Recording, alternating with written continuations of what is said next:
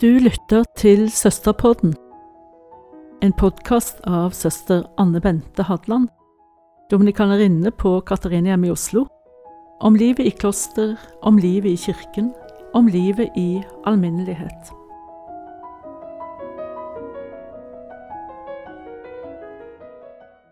Temaet er altså det annet Vatikankonsil. Og når det er et annet Vatikankonsil, så sier det seg jo selv at det har vært et første òg. Det var et konsil som fant sted i 1870, og som aldri ble avsluttet. De rakk å definere pavens ufeilbarlighet i lærespørsmål før kirkestaten ble invadert. Dette var under den fransk-tyske krig, og kirkestaten delte effektivt Italia på midten. Så det førte til at konsilfrederen dro hjem før konsilet var avsluttet. Det som slo på um, agendaen i 1870, var jo et arbeid om kirken også, som altså ikke ble fullført. Og selve konflikten med en invadert kirkestat løste seg først i 1929 med Laterantraktaten, hvor kirkestaten ble det vi kjenner den som i dag, nemlig Vatikanstaten. Vatikanet og, og tilliggende, tilliggende eh, kontorbygninger. Men da Johannes den 23. i 1959 kunngjorde et nytt konsil, det annet Vatikankonsil, så kom det allikevel som en overraskelse. Det burde kanskje ikke ha vært det, siden første Vatikankonsil aldri ble avsluttet. Men det hadde kanskje noe med forventningene til Johannes den 23. å gjøre. Han var en utpreget overgangspave, tenkte man, før man fikk valgt en som kunne stake ut veien videre i en verden som så helt annerledes ut etter to verdenskriger og totalitære ideologier og regimer. Men så ble det altså et konsil, annet Vatikankonsil, fra 1962 til 65, da alle verdens biskoper møttes i Roma i fire sesjoner. 2400 biskoper fra hele verden samlet. Hele fem paver i konsilets arbeid. Johannes den 23. og Paul den 6., begge som paver. Johannes Paul den 1. og Johannes Paul den 2. som biskoper. Og eh, pave Benedikt som teologisk rådgiver for erkebiskopen av Köln.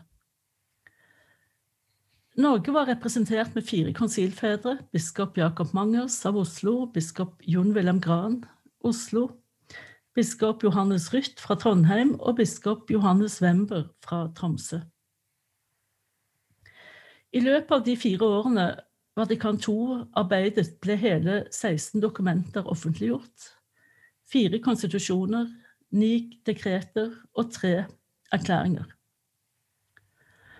To av disse konstitusjonene står i en særstilling. Og det er de to vi skal snakke om i dag.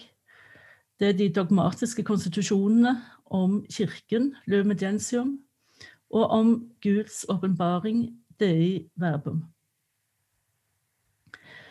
Et av de temaene som aldri ble behandlet på første Vatikankonsil, var altså Kirken. Og det skulle ta 90 år og store samfunnsmessige forandringer før et nytt konsil skulle befatte seg med det temaet.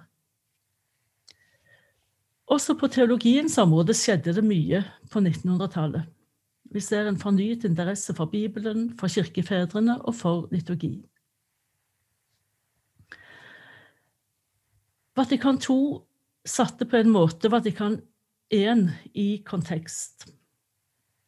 For første gang kunne Kirken definere seg selv på egne premisser sa en av konsilets store teologer, den franske dominikaneren Yves Congar, som var en, en, en, en, teolog med nye tanker og fikk taleforbud på 50-tallet, men som altså ble en ledende teolog under konsilet, og som senere ble kreert til kardinal av pave Johannes Paul 2. Så hvis nå Kirken for første gang har kunnet definere seg selv på egne premisser, hva er kirken da, pater Fredrik? Det andre Vatikankonsil, eh, som du rett sier, la frem en omfattende og en grundig lære om Kirken. Dette er et betydelig dokument, Lumen Gentium. Det er også et langt eh, dokument, og det er et veldig rikt dokument. Lumen Gentium og, og Det annet Vatikankonsil begynner i sin presentasjon av Kirken med Gud. Kirken kan kun forstås i lys av Gud og i den, hennes forhold til Gud.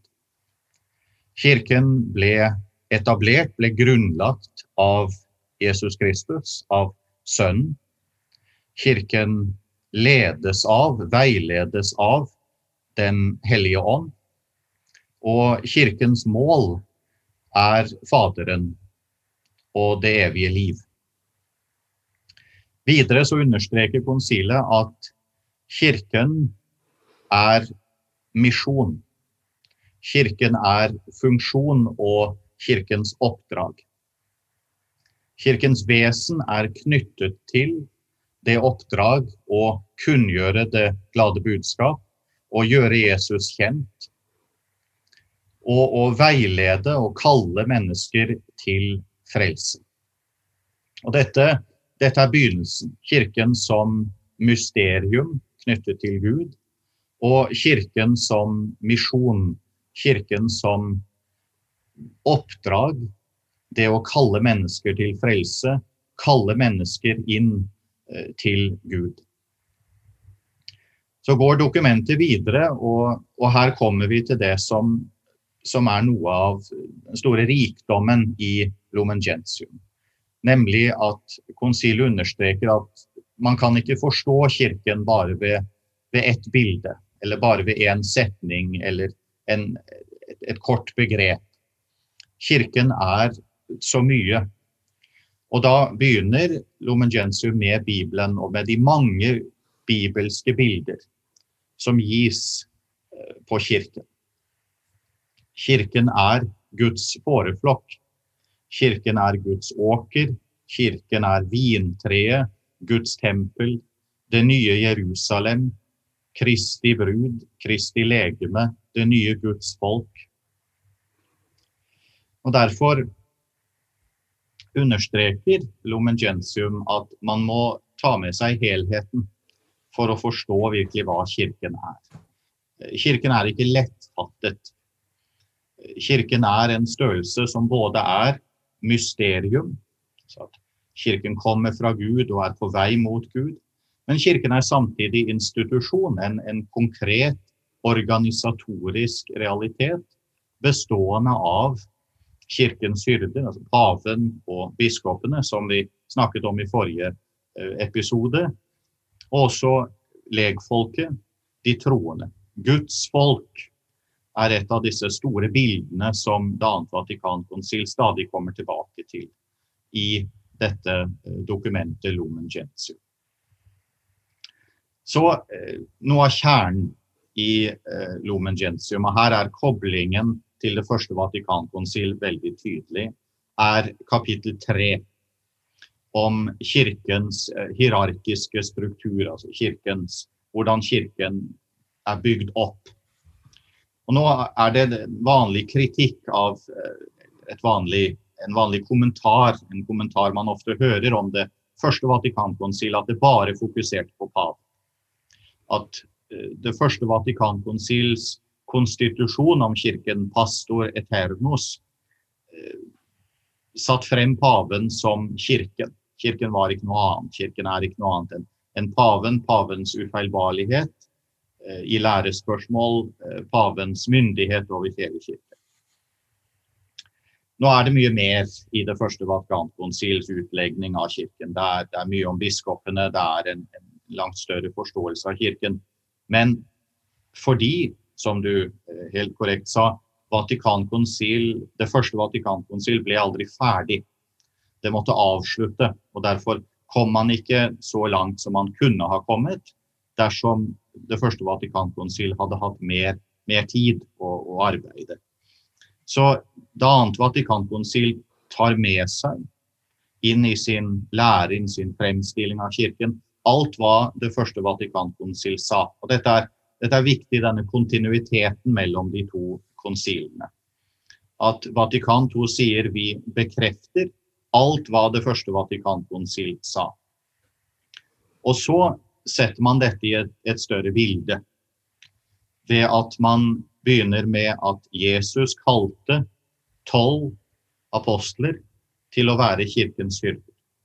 Satt Peter inn i en særstilling, men satt dette kollegiet, dette apostelkollegiet, sammen som det som skulle lede kirken. Vi, vi, snakket mye om dette i den første episoden, så det er ikke grunn til å ta dette opp igjen. Men, men denne mm. forståelsen av kirken som apostelkollegiet, ledet av den hellige Peter, som da peker frem mot Peters etterfølgere og biskopenes etterfølgere, som de, den institusjon som leder kirken, er helt grunnleggende for å forstå eh, Vatikan II.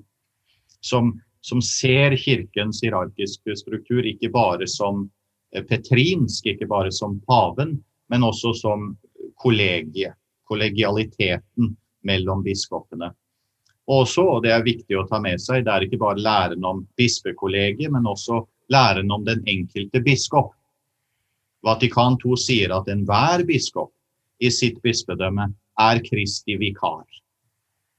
Og leder bispedømmet med denne myndighet som, som prest, profet og konge. Og det, dette skaper et helt annet bilde av kirken enn hva en kanskje noen karikatur av det første Vatikankonsil sier at kirken er. Så denne ideen om at kirken er en pyramide hvor vi alle bare er undersåtter helt i bånn, og det eneste som teller er, er, er paven på toppen, er, det er fjernt for det annet Vatikankonsil. Og da, Dette kommer også frem i de eh, neste kapitlene i eh, konstitusjonen om eh, kirken, som tar for seg legfolket og understreker at legfolket har en helt konkret oppgave i det å helliggjøre verden. Og arbeide for at de kristne verdier skal prege verden. Og da fra familien og familielivet til de, de politiske prosesser og, og nasjonene og, og verden eh, som helhet. Konsilet tar også opp i seg denne tanken om det universelle kall til hellighet, som da følger av dette at kirken er Guds folk, kirken er de døpte, kirken er på vei til Faderen i ånden grunnlagt av, av Kristus. Vi er alle kalt til denne hellighet. Det er ikke bare enkelte, ikke bare prester og nonner som er kalt til å leve ut det kristne liv i sin fylde. Alle er vi kalt til dette. Alle tar vi del alle har vi en plass, en aktiv plass i kirken. Og her, her kommer vi igjen tilbake til, til pave Frans tanke om, om, synodaliteten, om kirken som mm. vandrer sammen, hvor vi, vi, alle tar del og må ta del i, i kirkens uh, arbeid. Lumen Gentium behandler også ordensfolket, de som lever dette kall til å følge de evangeliske råd i fattigdom, kyskhet og lydighet og, og setter ordensfolket frem som et eksempel for oss alle i dette å leve ut helligheten. Ordensfolket minner oss om vårt alles kall til, til hellighet. Avslutningsvis, eh, Lumen Gentium eh, taler om eskatologien og setter Kirken også inn i denne sammenhengen at det som leder mot det evige liv, mot, mot verdens mot verdens ende, mot verdens fullendelse i Gud. Og igjen dette at, at Kirken ja, er på vandring, har sitt opphav i, i Kristus, i Jesus, i hans kallelse til verden, og at han etablerte apostelkollegiet, men også stadig må se seg selv i lys av det evige liv, av målet. Vi er ikke bare nå, men vi er også på vei. Og hva er vi på vei mot? Vi kan ikke forstå Kirken uten at vi tar dette med oss. Helt til slutt det åttende kapittel i Lumpensentrum om jomfru Maria. Jomfru Maria som eksempel på Kirken. Og jomfru Maria, som også da ved konsilets avslutning eh, ble satt frem for kirken som kirkens mor. Dette var noe av det avsluttende pave Paul 6. gjorde ved konsilet. Ved å gi eh, jomfru Maria denne tittelen og, legge under hennes varetekt og i hennes varetekt konsilet og konsilets arbeid. Mm. Det, takk skal du ha. Akkurat det siste der med Maria som kirkens mor, det er jo noe som pave Frans har befestet ytterligere da han innstiftet annen pinsedag, faktisk, som festen for Maria, kirkens mor.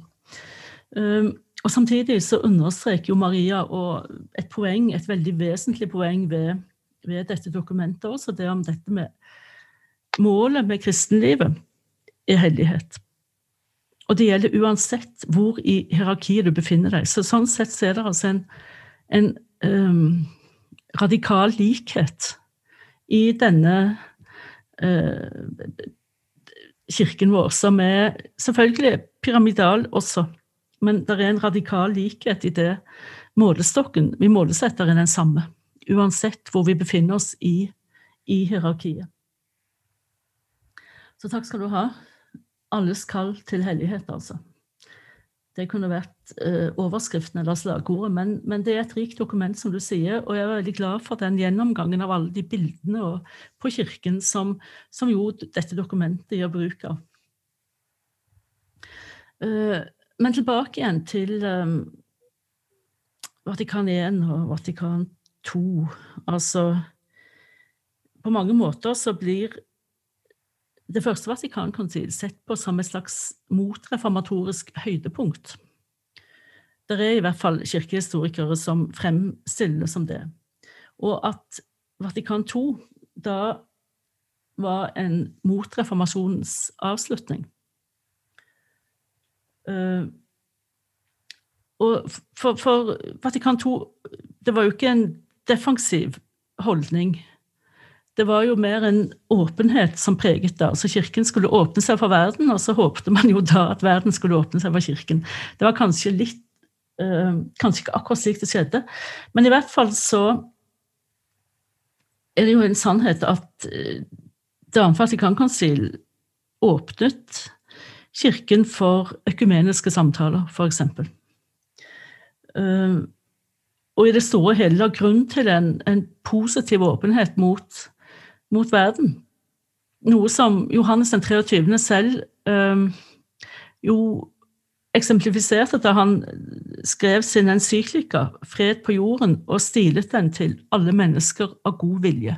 Altså ikke bare til prester og biskoper og de som deler vår tro, men alle mennesker av god vilje. Og han dannet jo da skole for pavene etter ham. De aller fleste dokumenter, altså i alle fall sosiallæredokumentene, som det har vært mange av fra 60-70-tallet og utover, er stilet til alle mennesker av god vilje. Eh, men et, et slagord fra reformasjonstiden var jo Skriften alene. Mens vi på katolsk hold jo holder på Skriften og tradisjonen. Det neste dokumentet vi skal se på, er Dei verbum, om Guds åpenbaring. Kan du si noe om det i lys av dette? Det kan jeg. Jeg eh, tror det er helt riktig å si at eh, blant de 16 dokumentene eh, fra det annet Vatikankonsil altså Dette er et, et konsil som har gitt oss mye, som har gitt oss mange dokumenter. Det første Vatikankonsil utga to dokumenter. Så her, her ser vi at det er en en, en tyngd og en bredd og en Det er noe veldig holdbart i, i, i det annet eh, Vatikankonsil med, med så mange dokumenter. Blant disse så vil jeg si, og jeg tror mange ville si med meg, at det er disse to dokumentene, dokumentet om kirken, Lumen Gentium, og dette dokumentet om den guddommelige åpenbaringen, det verbum, som er de de to største og, og, de to viktigste. Nå har jeg brukt mye av mine tid i, studier på, på Lumen Gentium, så jeg vil nok eh, veldig subjektivt si at uh, det er hakket større og hakket viktigere. Men, men, det er disse to dokumentene, de to dogmatiske konstitusjonene, eh, som er eh, noe av kjernen i, eh, i, eh, i konsilet.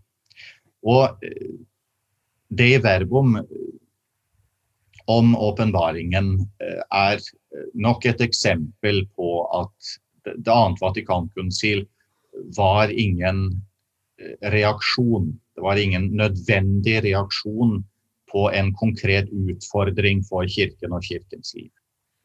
Det var Kirken som eh, i større grad av frihet, og ikke minst ut av denne teologiske oppblomstring, og alt dette arbeidet som, som skjedde på, på, på 1900-tallet, og da eh, de første 50 årene av eh, det 20. århundret, Eh, som, som, greide å se og, og, legge frem sin lære med en langt større rikdom. Og det Noe som iallfall jeg syns er interessant, er å gå og se på fotnotene i dokumentene i Det annet Vatikankonsil. For her, her, ser man hele kirkens historie. Det er eh, kirkefedrene. Det er åpenbart eh, mye sitater, mange sitater fra Den hellige skrift. Det er middelalder, det er Den hellige Thomas, det er eh, skolastikken. Og det er pavene helt opp til det annet Vatikankonsil. Så her, her, her, puster Kirken inn hele sin historie og hele, hele sitt teologiske arbeid. Og det kommer tydelig frem i, i dokumentet om eh, åpenbaringen. Eh, og igjen så hadde man kanskje tenkt at når Kirken skulle si noe om åpenbaringen, så vil det være å si tradisjon, tradisjon, tradisjon. Det er det vi katolikker holder på med. Vi bryr oss mindre om, om Bibelen. Men det er ikke det konsilet gjør. Konsilet begynner med å stille seg spørsmålet hva er åpenbaringen? Hva er den guddommelige åpenbaringen? Og, og sier at åpenbaringens mål er at vi mennesker skal lære Gud å kjenne. Vi skal bli kjent med Guds vilje for verden og for oss og få del i det liv som Gud kaller oss til. Og da et, et sitat, og dette gir et lite innblikk i, i hvordan, hvordan konsilet ola seg, men også det, det, store i dokumentet. Det Verbum sier at det behaget Gud i hans godhet og visdom å åpenbare seg selv og gjøre oss kjent med sin hemmelige vilje, som innebærer at menneskene får adgang til Faderen ved Kristus, det menneskevordende ord, i Den hellige ånd, og at de blir delaktige i den guddommelige natur. Det er åpenbaringen. Gud kaller oss til, til liv med ham og, og, i ham. Og så går konsilet videre og sier at den guddommelige åpenbaringen kommer til sin fullendelse i Jesus Kristus. Han som gjør sier konsilet, hele sitt nærvær og manifestasjon av seg selv gjennom sine ord og gjerninger, sine tegn og underverk, Gud kjent for oss mennesker. Åpenbaringen er Jesus Kristus. Fylden av åpenbaringen, det Gud ønsker å si til oss mennesker, er Jesus Kristus. Jeg tror det er, det er dessverre få i dag som kanskje ville ville tenke Vatikan 2 det handler om Jesus. Jeg tror det er litt trist å erkjenne det at det er mange som vil være overrasket over det faktum, men, men det er faktisk det konsilet er.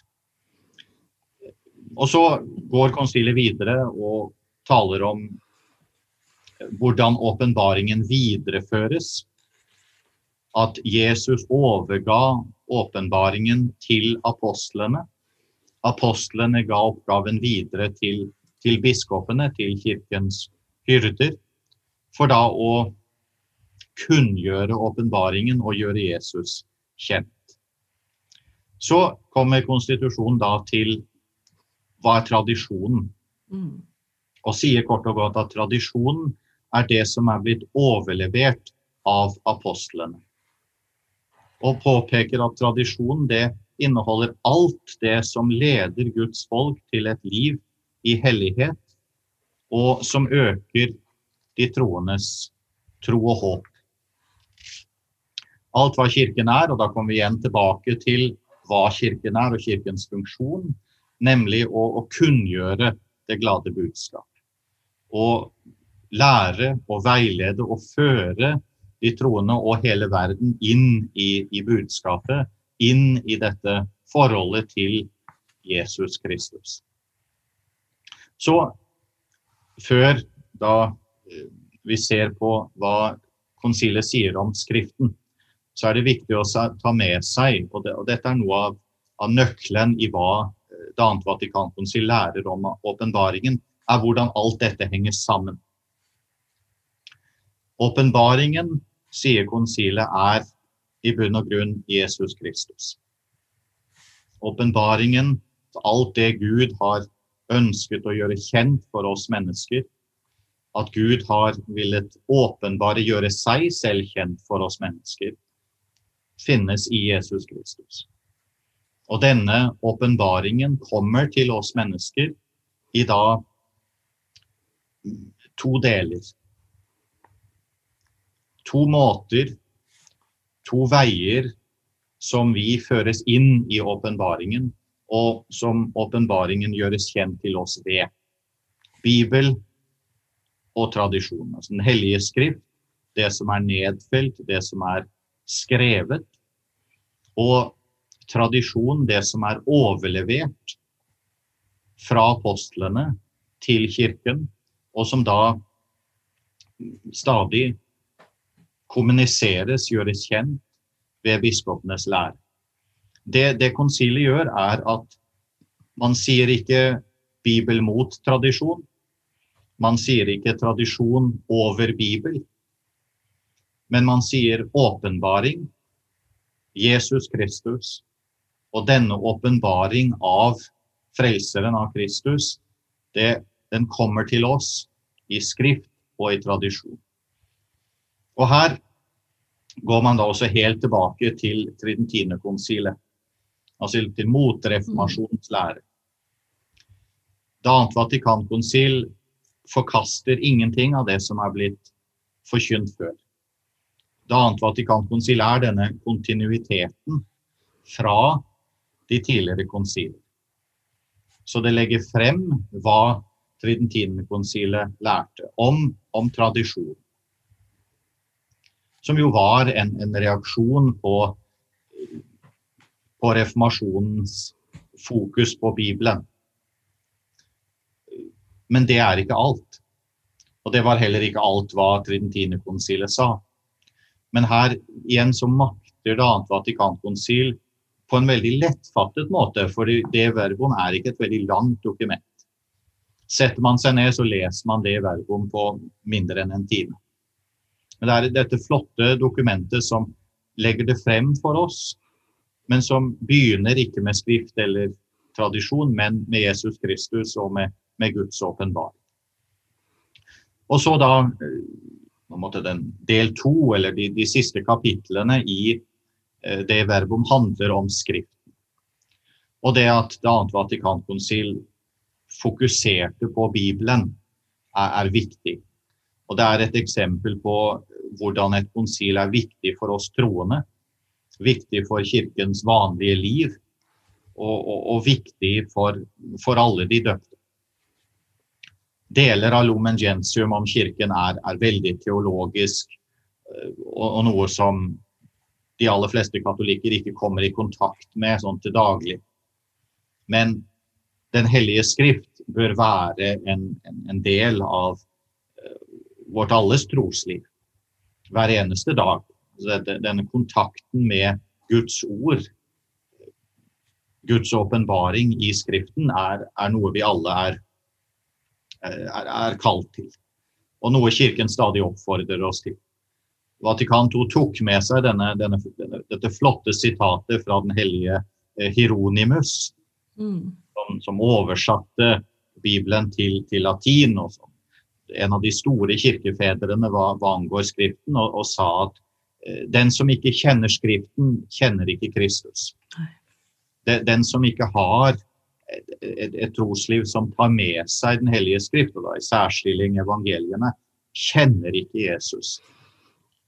Og, Og denne forståelsen av hva Skriften er, at det er, det er Gud som åpenbarer seg, eh, at Den hellige skrift inneholder og, og, forelegger for oss Guds sannhet, skrevet ned, som konsilet sier, ved Den hellige ånds impuls.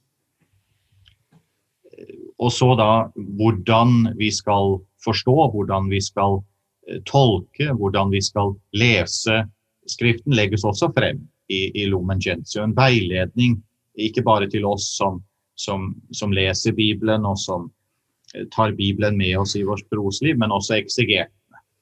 De som har som, som, oppdrag i kirken å utlegge eh, Bibelen. Derfor understreker eh, Vatikan II at Bibelen alltid må være tilgjengelig for de troende. At Kirken påser at det er gode oversettelser av Bibelen. Ved akademisk kvalitet og, og, og språklig korrekthet.